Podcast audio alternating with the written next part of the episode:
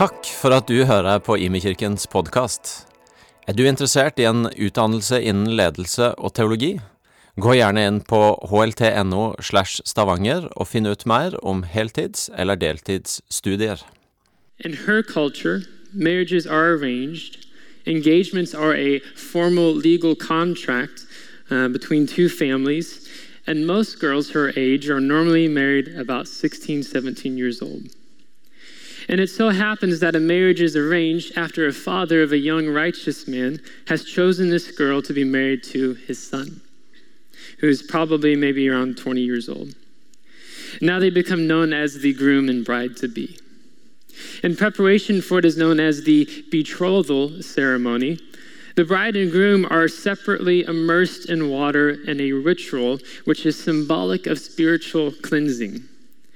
And following this immersion, the couple would enter a huppah, being a marriage canopy, symbolic of a new household being planned to establish a binding contract. And during this ceremony, the groom gave her a beautiful object, and there would be a cup of wine, which was customarily shared uh, between them to seal their covenant vows. And there, during this public ceremony, under the huppah, the young couple enter what is known as the betrothal period, uh, an engagement period, which typically lasted for a whole entire year. And although they are considered married, they do not live together or engage in sexual activities or relations. And now they await the final step of their cultural wedding to tradition to finalize their vows and consummate their marriage. However, during this engagement period, while they have been apart, it soon comes to light that the 15 year old girl, bride to be, is pregnant. Her parents find out and they're, they're shaken, confused, trying to understand what has occurred with their daughter, who's not yet finalized the marriage, and now she's all of a sudden with child. And they're trying to figure out, while at the same time, in their culture, there is a lot at stake, especially for the young girl. And they've taken the time to arrange a marriage and forming a legal contract with another family of the man whom she is engaged to, and now it looks like it will have to be broken. The young girl is viewed as bringing shame upon the family with pending significant consequences that could cost her her life. It is known with rather certainty that the groom she is engaged to did not have sexual relations with her. After all, he has not been with her during this engagement period where they spend time apart, as customary by their culture. The man whom she's engaged to is shocked and a bit taken aback. He's not sure what to make sure of the situation now that his bride to be is pregnant. And he's no longer able to take her as his wife, as she's now suspected of being an adulteress. And now he's faced with two options. The first option is he could clear himself by publicly exposing the young girl to trial and having her put to death. The second option is he can pay a fine and break the engagement quietly and showing his former bride to be mercy. So he decided to choose the second option in breaking the engagement quietly. But as he considered this, an angel of the Lord appeared to him in a dream. Joseph, son of David, the angel said, Do not be afraid to take Mary as your wife, for the child within her was conceived by the Holy Spirit, and she will have a son, and you are to name him Jesus, for he will save his people from their sins. And all this occurred to fulfill the Lord's message through his prophet Look, the virgin will conceive a child, she will give birth to a son, and they will call him Emmanuel, which means God is with us. And when Joseph woke up, he did as the angel of the Lord commanded and took Mary as his wife. Now, again, this is provoking the imagination a bit, but knowing the cultural and historical uh, customs, the story I shared, uh, pulling from Matthew 1 20 through 24, but also uh, Luke 1, the passage we're going to read shortly, it's a possibility with provoking the imagination into what Mary, her parents, and many others were impacted by, including Joseph, of course. And we have had something special happening in the church since the end of August uh, being Re Jesus, a, a call to recenter our lives towards Christ so that we can become a people who sound like, look like, do, and think like Jesus. A recentering we will be in the, for the next two years. Now, I've heard some pretty outrageous claims up here on the stage, as such as 10 years, but I can guarantee you it's just two years long. And the focus we've had through September has been on rest, hvile. And starting with Martin Cave at G11 uh, last Sunday, for the next several weeks, we're going to be going through Luke 1, uh, breaking this into four sections. I was asked to preach on verses 26 through 38 today, being the birth of Jesus foretold. And for those at G11 last Sunday, Martin did a wonderful job in bringing the text forward. And today, my sermon is going to connect uh, with his preaching. And so, with that being said, if you have your Bibles with you or you have an app on your phone, I would encourage you to open uh, to Luke 1, verses 26 through 38. I'm going to be reading from the New Living Translation.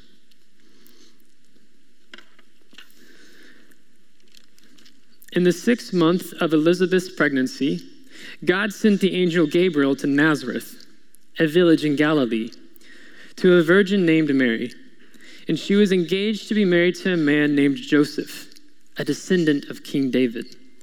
And Gabriel appeared to her and said, Greetings, favored woman, the Lord is with you. Confused and disturbed, Mary tried to think, what could the angel mean? Don't be afraid, Mary, the angel told her, for you have found favor with God, and you will conceive and give birth to a son, and you will name him Jesus. He will be very great and will be called the Son of the Most High. And the Lord God will give him the throne of his ancestor David, and he will reign over Israel forever, and his kingdom will never end. And Mary asked the angel, But how can this happen? I am a virgin. The angel replied, The Holy Spirit will come upon you, and the power of the Most High will overshadow you. So the baby to be born will be holy, and he will be called the Son of God. What's more, your relative Elizabeth has become pregnant in her old age. People used to say she was barren, but she has conceived a son and is now in her sixth month. For the word of God will never fail. Mary responded, I am the Lord's servant. May everything you have said about me come true. And then the angel left her. In my time preparing for today's message, I have felt that I have encountered the story of Mary uh, in a new way um, in terms of her faithful obedience. Here, Mary is possibly 15 years old, has an encounter with God, and he reveals calling in her life in his favor. And my question for us today is what can we learn from Mary? When I prepare a sermon teaching, my heart posture is to seek and ask God, what will you have me teach on with the passage that is given to me? And he, his spirit led me and prompted me, I want you to speak on calling. So I'd summarize what we're going to be uh, engaging today with the text is that I want you to preach on Mary's calling. And this was especially confirmed uh, last weekend when we had Amy Ward in the house. And last Saturday evening, as uh, Amy finished her message, I felt overwhelmed by two things. The first was I felt overwhelmed by the Father's love. Secondly, I felt overwhelmed by the Father's compassion for his sons and daughters. And then, thirdly, as I sat and listened to Martin Cave uh, preach the G11 service, I felt the Father's longing for his sons and daughters to know their calling, to know the calling he has on their lives, on our lives. And with this passage in Luke, uh, we're going to look at five uh, responses, or maybe you can say five steps, uh, maybe typical American pastor fashion. We're going to break it down to five points. Um, and so, what can we learn from Mary when it comes to calling? And what is so beautiful and insightful about this passage is Mary's faith. My illustrated study Bible reads this Mary responded to this extraordinary message in simple faith, humbly submitting herself to God's will. For all Christians, she is a model of humble and obedient submission to God's will. And so the first is, uh, I would summarize as Mary is troubled, uh, verses 28 through 29. And so she has this encounter with Gabriel and upon hearing Gabriel say, Greetings, favored woman, the Lord is with you. Mary is in a response is genuinely a human response in that she is confused and disturbed. She's troubled. She's not sure what to make of the encounter. And she's having with the angel Gabriel, who has appeared to her, probably in her room at her mom and dad's house. And I believe it would be easy for many of us to say that perhaps there's been a time in our lives where God has shown up or revealed himself in some way that has left us troubled or confused. Here is Mary, a favored daughter with God, and there's nothing in the text to indicate that God or Gabriel is upset with her for being troubled. The creator of heaven and earth, the one who knit each and every one of us together in our mother's womb, he knows and understands us as humans better than anything or anyone ever will. Now, in terms of calling, these five steps I'm going to walk us through with the text, sometimes the first step of being troubled is as far as we ever get. Now, I'm going to come back to this, but just keep this uh, in the back of your mind for now. But God regularly calls his people out of their comfort zone. We're a, we are a people, we are uh, creatures of habit, we are creatures of comfort. And when you look at the scriptures, God calls people out of their comfort zone. And we become troubled or confused by the calling placed before us, and we never take that next step, which I would summarize as pondering. In verse 29, we read how Mary is pondering. Mary tried to think what the angel could mean. And now I will not lie and say that I'm a bit of nerd uh, when it does come to certain things. Um, but I like in verse 29 how the Greek translation uh, reads this passage. Uh, it would be read more as, and at the statement, she was troubled and was pondering what kind of salutation this might be.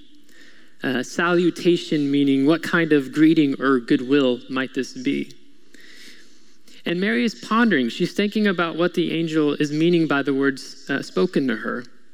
And to me, it doesn't seem like Gabriel is rushing Mary in this encounter, uh, in this moment.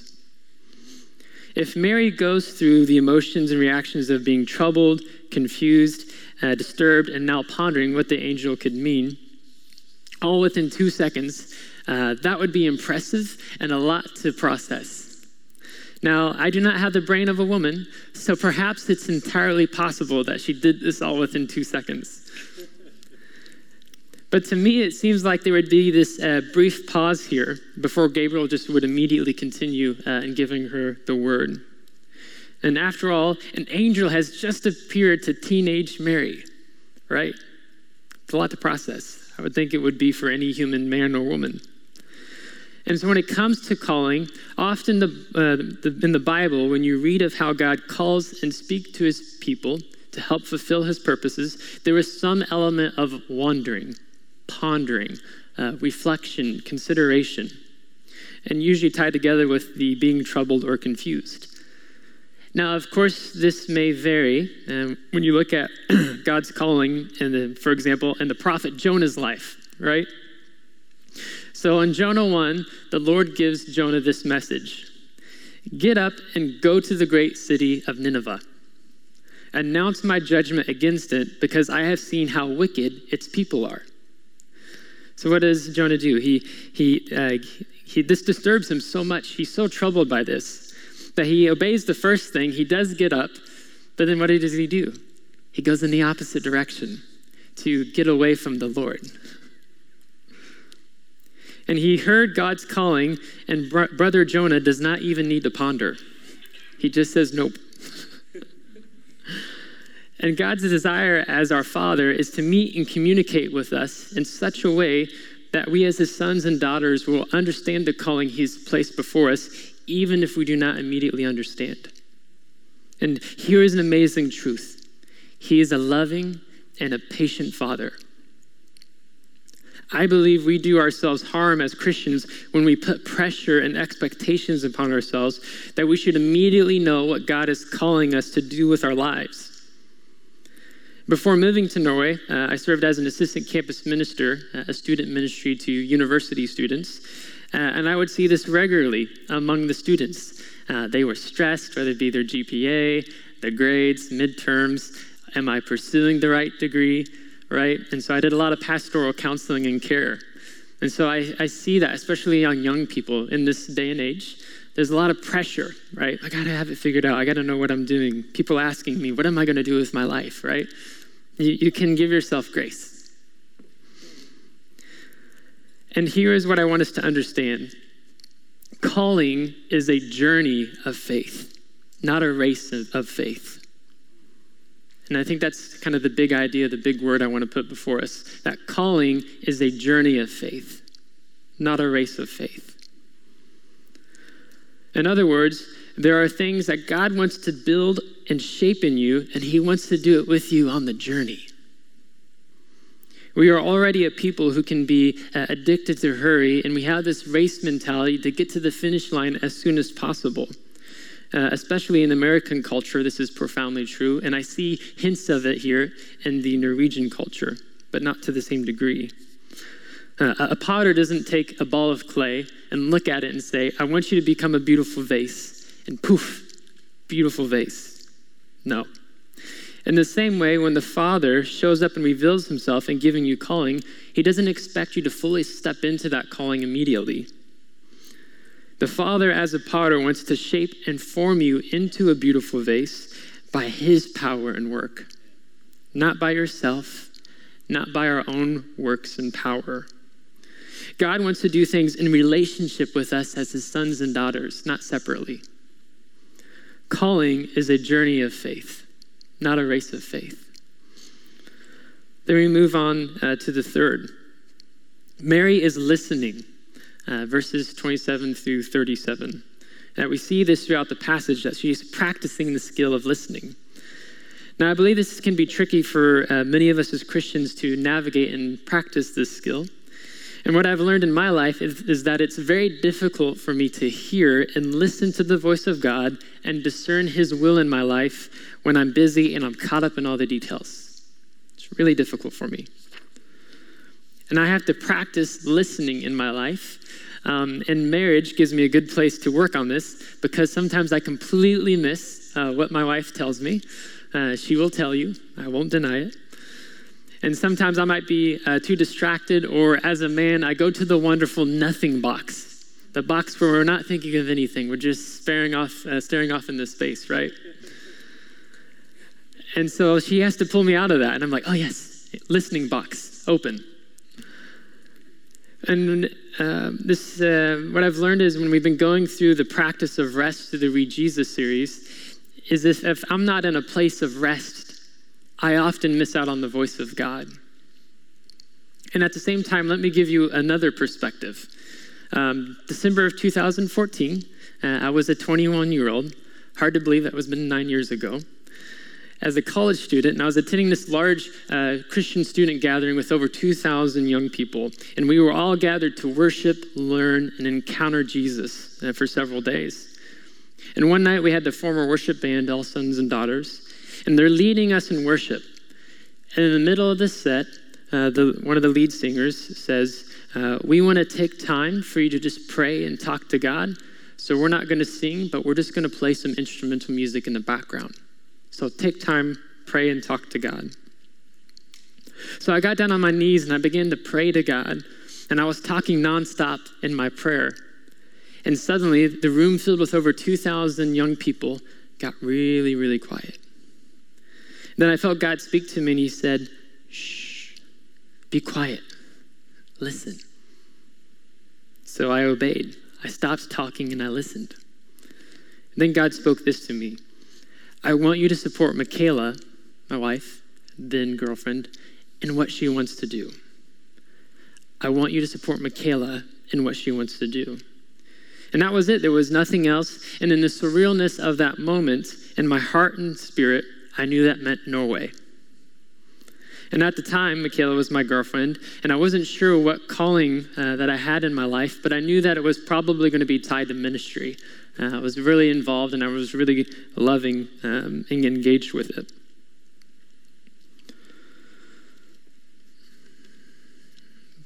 And so this happened in 2014, and then in January 1st, 2020, we moved here to Norway. So that was over five years calling is a journey of faith, not a race in faith.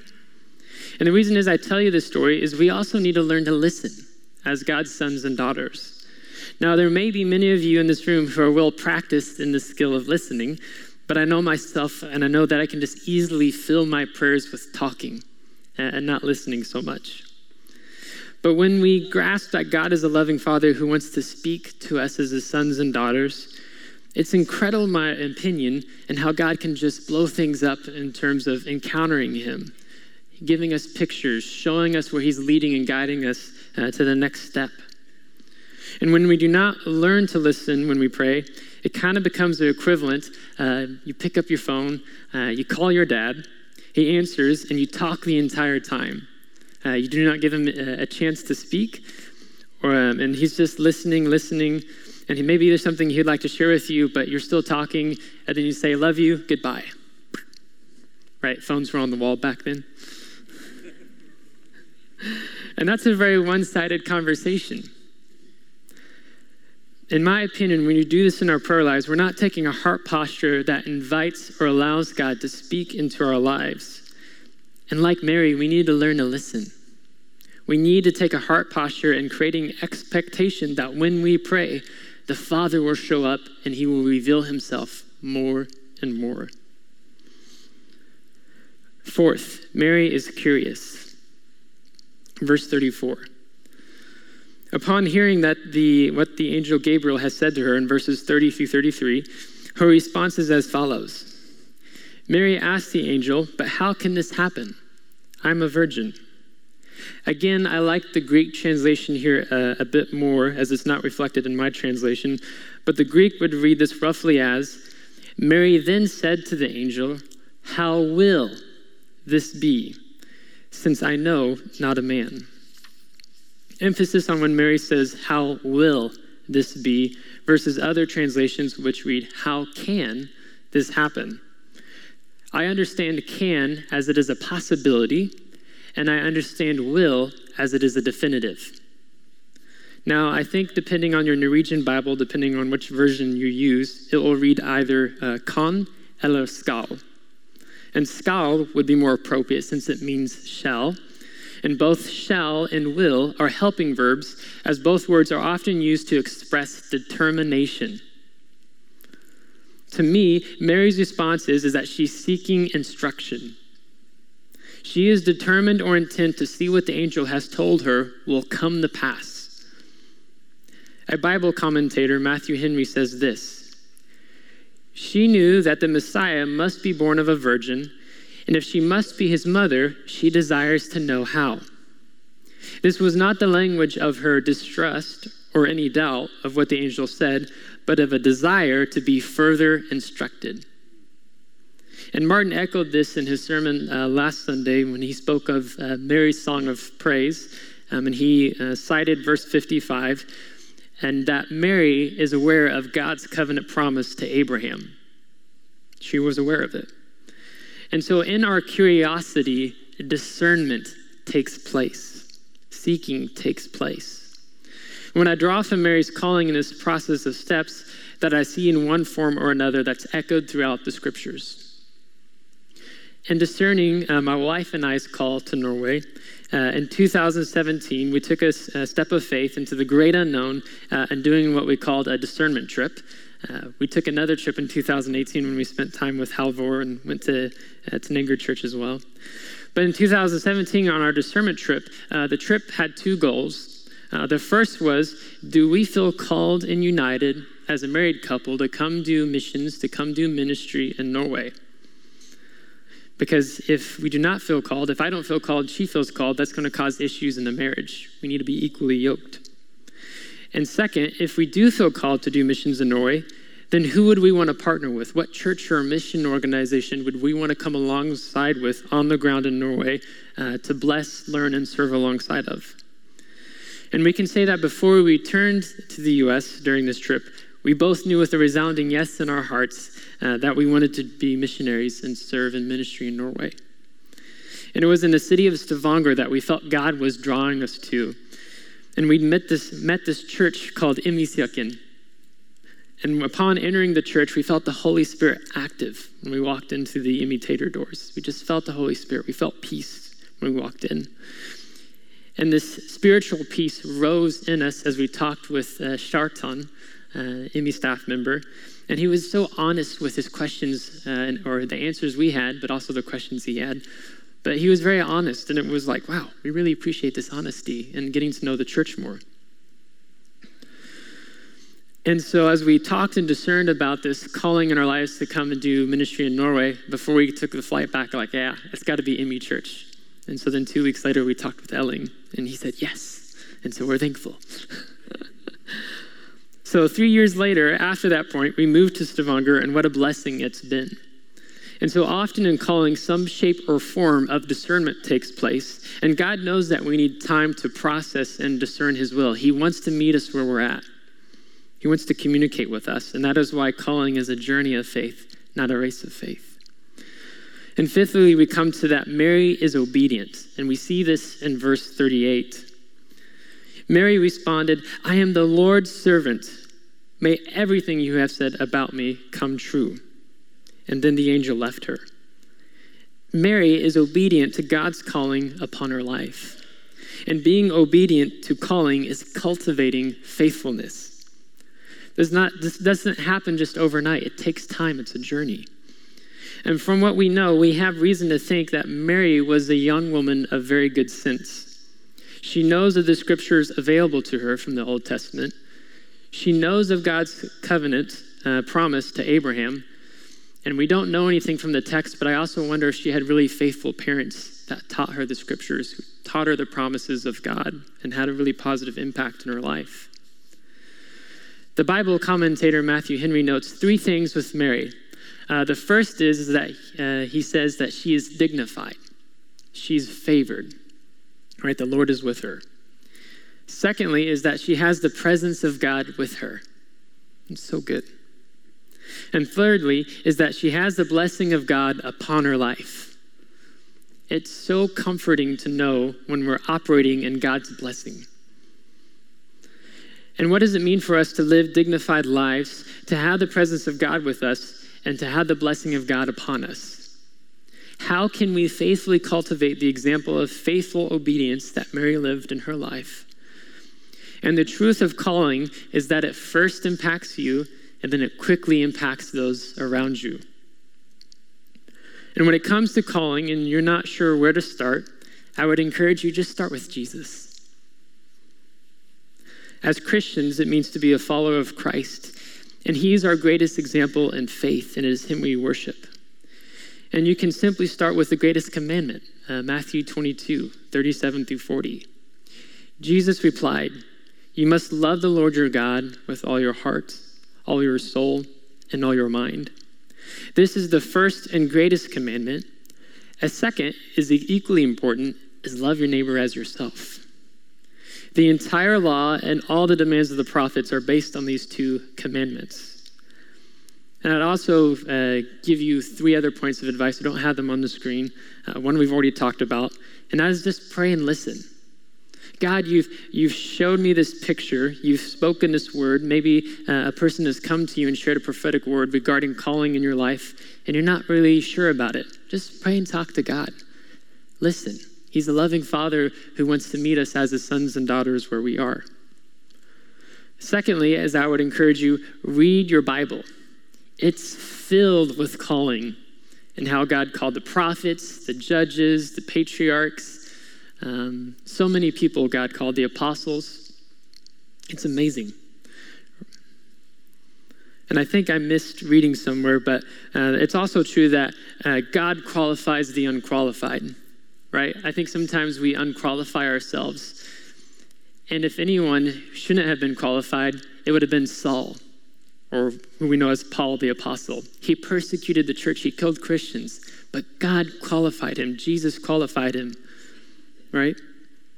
So don't disqualify yourself. Learn from the scriptures, and when it comes to calling, and you might be able to, oh, yeah, I think God's moving in this way, similar to how uh, he was encountering Mary. Uh, thirdly, is I would say, discern calling with other believers that you trust. And be mindful of this. I don't mean this in a negative way, but be careful who you share your calling with. When Michaela, um, God was putting on her heart when she was like 13, a little, a little maybe a little later, um, was putting on her heart this call to be a missionary, and then also combining her brokenheartedness to Norway. And she shared with a close relative of hers that, you know, I think I want to be a missionary in Norway. And she responded, Nah, you'll never do that. You'll never go follow that calling. So we have to be mindful of who we surround ourselves when it comes to calling. Talk to someone, talk to brothers and sisters in Christ whom you trust that you know have the best intentions for you at heart. And that may be very few people in the beginning. And then as it grows in you and God builds that up in you, then more people maybe become an included a part of that calling.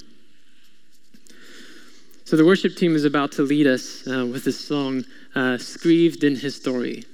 Write your story. And your life journey of faith has brought you here today during this moment. And for those now also listening on the podcast, your faith journey has brought you here to this moment. And please listen when I say you have a purpose, you have a calling. God qualifies the unqualified. You are qualified, sons and daughters. You have a Father in heaven who loves you dearly, who is filled with compassion, and he longs for you as his sons and daughters to know the calling he's placed in your lives. So let us uh, bow our heads and pray. Father, God, teach us to count our days that every beginning will have an end. Let the years and days that we live become more than just living for ourselves, more than just our own satisfactions.